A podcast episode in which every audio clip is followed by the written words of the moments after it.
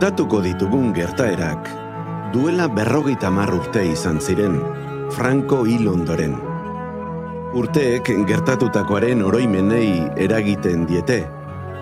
Esperientzia horietako asko, egunkari zati batean, etxeko kasatxo batean, edo biktimen bihotzean gorde behar izan ziren. Orain bai, zirkulua istea laguntzen du 2006ko legeak, motivazio politikoaren testu inguruan giza eskubideen urraketen biktimak hartatzen dituena. Salimos. Vamos a ver a, a Concha. A Concha. A ver, como no has querido venir porque te iba a traer recuerdos y lo ibas a pasar mal, pero yo creo que te ha venido muy bien que vengas. Nunca es tarde. Pero te desligaste totalmente, mamá, de... De aquí sí, pues sí. Ya no quería saber nada. Felipe Suarezen eta haren ama Valentina Perezen bidaia hastear da. Valentina berrogeita bost urteren ondoren, Euskadira lehen aldiz itzultzen baita. Mila bederatzi eun eta irurogeita amaseiko apirilaren amarrean, senarra hil zioten. Bikoteak alaba eta seme bat zituen. Noelia, hiru urtekoa, eta Felipe, bikoa. Mi padre pues, era un joven de, de León que cuando sucedió eh, los hechos tenía 28 años y sacó una plaza de telégrafos como administrador en, en las oficinas de aquí de, de Cestona. Feliperi e, beste destino bat eman zioten, ba, zautza juntzian despedida modura afari paxa bat egitea. Eta handikan bueltan gertatu zen, gertatu beharretzuena egun harretan. Ametraliatu egin zituztela. Federico Astillerosen alaba da Marian. Bere aita, Feliperen lagun banezina. Felipek berak antolatu zuen afaria. Mi padre recibió varias balas en la cabeza y el compañero Federico fue herido. Mi madre decidió volverse con mis abuelos y no, no volvimos a, a, ni a Cestona, ni a, ni a San Sebastián, ni al País Vasco. Meagaseko portua igotzen gertatu zen. Apata monasterioko errepidean, mila bederatzieun eta irurogeita emezortziko San Joan gauean, Josemi Fernandez metraiatu zuten. Amasei urteko mutikoa zen. Berrogeita hiru urte igaro dira, baina haren anaia Francisco Xabierrek xeetasun guztiekin gogoratzen du gertatutakoa. Mi hermano se fue con otro amigo a, a Durango, a la Pantera Rosa, a pasar la tarde. Se pusieron a hacer autostop. Pasó un conocido y les paró. SEAT 124 blanco. Fuego a discreción. Empezaron a oír un montón de disparos, una lluvia de balas. Mi hermano cayó así en las piernas de, de su amigo, dando el último suspiro. Claro, estaba tapado con una sábana y no, no les dejaban más que ver la, la cara. Pero en un descuido, un hermano mío le levantó la sábana y debía de tener pues el pecho cosido a balazos. Pusieron en el parte de defunción causa de la muerte parada cardiorrespiratoria. Nei bestia min ematen hauna, klasifikazio itia los de primer grado y segundo grado.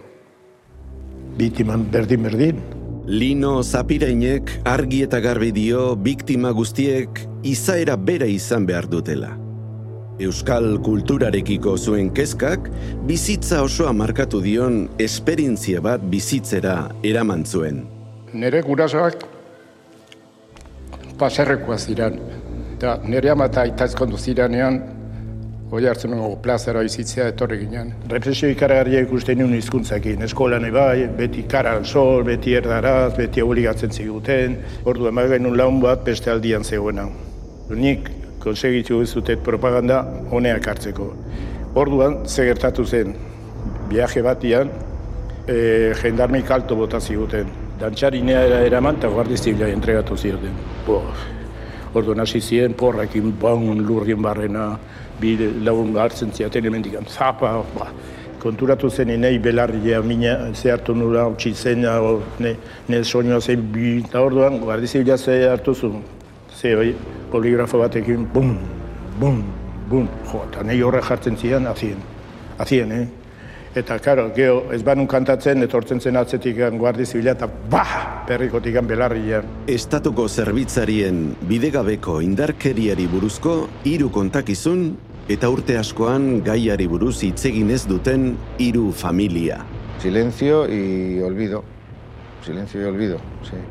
Eta hori gerta ez dadin, 2006ko legea onartu zen eta arekin iritsi zen valorazio batzordea. Hay personas de la disciplina de la historia, hay peritos eh, eh, forenses, psicólogas eh, del ámbito jurídico.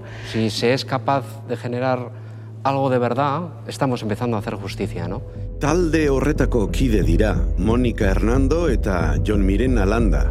Lehena, Eusko Jaurlaritzako giza eskubideen zuzendari gisa, eta bigarrena, bozera maile gisa.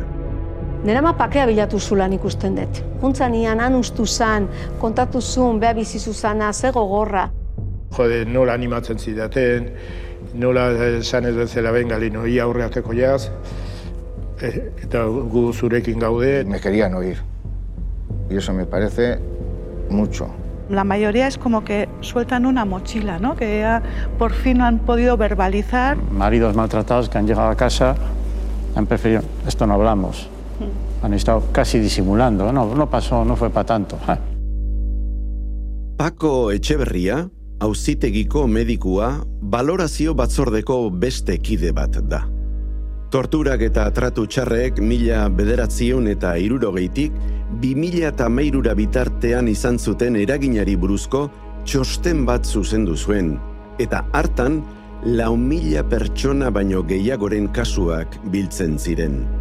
En el caso mm, especialmente mm, de las mujeres que han venido, en el caso mm, especialmente de las mujeres que han venido ¿no? también a dar su testimonio, esas vulneraciones eh, eh, han tenido una mayor revictimización. Juana Balmase da abokatua da. Genero indarkerian espezializatua eta batzordeko burua. Emakumeek zera kontatu dietela azpimarratu du. Eh, los tocamientos, eh, las eh, eh, amenazas de violaciones eh, a, a ellas mismas o a las otras mujeres de la familia. No tendrás hijos. Eso no se le dice nunca a un varón. Yo recuerdo el caso de una mujer que le torturaron, le hicieron la barra. Bueno, pues lo peor para ella fue cuando le dejaron de pegar y se fueron. Yo me moriré. Sea, de- desear que, que vengan, por favor, que vuelvan a venir, que se abra la puerta ese que me... Felipe eta Valentina azkenean iritsi dira zestoara. Kontxarekin, Federikoren alargunarekin eta Marian alabarekin berriz elkartuko dira. Vamos a la plaza a ver si... Si vemos a Concha, A Concha, sí. después de tantos años, a ver si la reconozco. No te, no te hubiera conocido, reconocido, no. Ni pensar. Me alegro muchísimo de, que, de verte. Y yo también, hombre. Después de 45 años que han pasado, ¿cómo no has podido venir? Pues porque teníamos miedo, yo tenía miedo a venir. Denen burua berriro ere mila bederatzieun eta irurogeita amaseiko egun beldurgarri hartara bueltatuko da. Nunca se olvida eso. Nunca, se olvida, nunca, nunca. ¿Y cómo murió? No les echaron a, los, a las ruedas. ¿Echaron las ruedas para que pare? Nada, no, no, echaron al coche y a la cabeza. Hicieron un, bueno, un montaje, un montaje posteriori cuando vieron que claramente se habían equivocado. Federico eta Feliperen familiek argi dute ez zutela polizia kontrola ekidin. Federico, zauritua, baina bizirik atera zen. Eta behin eta berriro zioen inoiz etzela horrelakorik egon. Eso es mentira, dijo él. Eso es mentira porque allí no había ni guardia civil ni nada. Estabais escondidos en algún sitio. Eso sí. Que no, que está claro que allá si les hubieran dado alto, hubiera habido control, hubieran parado, que no tenían ningún problema. Ikusi zian, bat gaina e, funtzionaioa zela eta Kastilako akzialabiak jarraixek hasi ziala. Ez, ez dira, ez di, e, Josemi Fernandezen kasuan ere batzuk bizirik atera ziren. Autoaren gidariak eta haren lagunak bere garaian kontatu zuten orduan bizitakoa. Ez zutela ezer ikusi, guardia zibilak zanga batetik atera zirela, eskutuan zeudela. Buena la hemos hecho. Jose Feliz Maria Seek Josemiren lagunik onenak, autotik atera zenean, guardia zibilari entzun zion lehena hau izan zen. Lo que oficialmente decían ellos que pasó es que el vehículo se saltó un control que estaba puesto en la carretera. Que aunque así fuera, eh, yo creo que hay más opciones que disparar y matar. En muchos casos nos toca cuestionar la versión oficial de los hechos porque son muy sospechosas. Luis Salas historialaria da. Legez ezin dute, banakako erantzukizunik ezarri eta ez dituzte bilatzen. Nosotros no somos jueces. Eh, Nosotros no, no juzgamos. Nuestra labor no es esa. No tiene nada que ver con eso.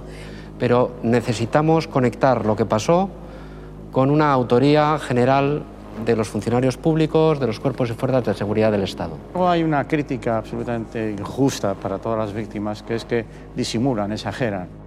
Lino Zapirainek lehen pertsonan kontatzen du gertatutakoa. Une gogorretan irudimena noraino garatu daiteken erakusten duen kontakizuna. Azkenian ja, omeste golpe hartu nituen, omeste eh, tortura inzidaten esan un, bueno, lino ja, eta izen bat emanun, Tomas Aristizabal. Orduan zera baki zuten, nahi donostira eramatia komiseira. Donostira ekarri zitenean, zozte zazpi apaiz detenituak, eta hitako bazen hori hartzun gua. Eta orduan esan zidan honek, lino, hemen didemo gutxira mez hasiko dugu, eta zu monagilo esan duza, eta zu badakizu entonatzen, eta nola kantatu Tomasekin zea, kontatu jartzeko. Aiza, Tomas, bi aldietan bakarra pasatugula beste aldera, oi hartzutik irtetzen ginala arrazaldeko zeitan, eta beste aldea bi ordu barruan ginala, eta bueltan berdintxo. Bi larun batetan bakarra indugula biaji hau, e, handikak ekarri duguna da, propaganda bakarra. Amen. Gueri evangelio horrek salbatu zigula goiti bera, mino. Denek badakite, gertatutakoak bizitza ondatu diela. Y yo creo que ella ya no, no volvió a ser la misma en el sentido de que la rompió, la rompió la vida. Ves que te faltaba alguien, que era mi, mi padre, pero la familia no, no hablaba de- del asunto. Kontxa izetarentzat obsesio bihurtu zen Felipe Suarezen familia aurkitzea. Y pensando en ellos, yo terriblemente pensando en ellos. Siempre decía, siempre esa familia, tenemos que encontrarles, tenemos que sacar de algún sitio donde viven y cómo, cómo viven y algo. Quiero, tengo dentro de eso, ese nudo que tengo que soltar. Arakatu nun, goiti bera, telefono dei pila bat, eskutitz pila bat bidaldu nitun, Eta amabost urte igaro ondoren, aurkitu zituen. Me llama Marian, que llevaban buscándome bastante tiempo. Hablé con ella, estuvimos eh, como que habíamos hablado toda la vida. zegoen bere honetik erten da emozionatuta. Bateria be gelditu ginen, hiru bat ordu ginen, nik kontatu nion zer zegoen, nola zegoen e, e, legede hau, eta, bueno, ba, beraiek nik uste familia bat topatu dutela hemen. Nei agertzia rekonozitzia biktima bezala eta pasatxuten karamidadik rekonozitzea niretzako da zorragarria. Ne historia kontatu nahi nun batez ere torturak nola izan du din, zeratako torturak, eta ditaduran aurka joten ginalako torturatua izan duga, eta orduan hoi nahi nun agertzea mundu naurrin. Cuando llegó el reconocimiento, me acordé muchísimo de, de mi padre, mi padre que tenía una verdadera losa en- encima. Por eso, porque, eh, quería que se supiera la verdad. No quería que aquel que pasaba por allí dijera, ese es el padre de el que se saltó el control, o ese es el padre de el terrorista, el asesino, el delincuente. Mi padre quería que saldría la verdad. Y con eso estuvo, pues eso, el resto de su vida y, y- y desgraciadamente se murió sin, sin, sin conseguirlo. Tenía muchas ganas de abrazarte. Igualmente. Y de verte, además. ¿eh? Gracias. Vale. He podido abrazarle y me alegro horrores. de que Se sí. queda el cor- el corazón descansado. Tenemos un caso en donde la persona ha fallecido, pero en vida construyó una carpeta con mucha documentación, las cartas, respuestas, etc. Y en la portada de la carpeta pone para el día en que se pueda saber la verdad. En honor de esa persona nos corresponde precisamente pues, hacer esta tarea. Ahanzturatik ateratzen podcastaren atala New Digital Media Euskadik EITB mediarentzat eta Gogora Institutuarentzat ekoitzia.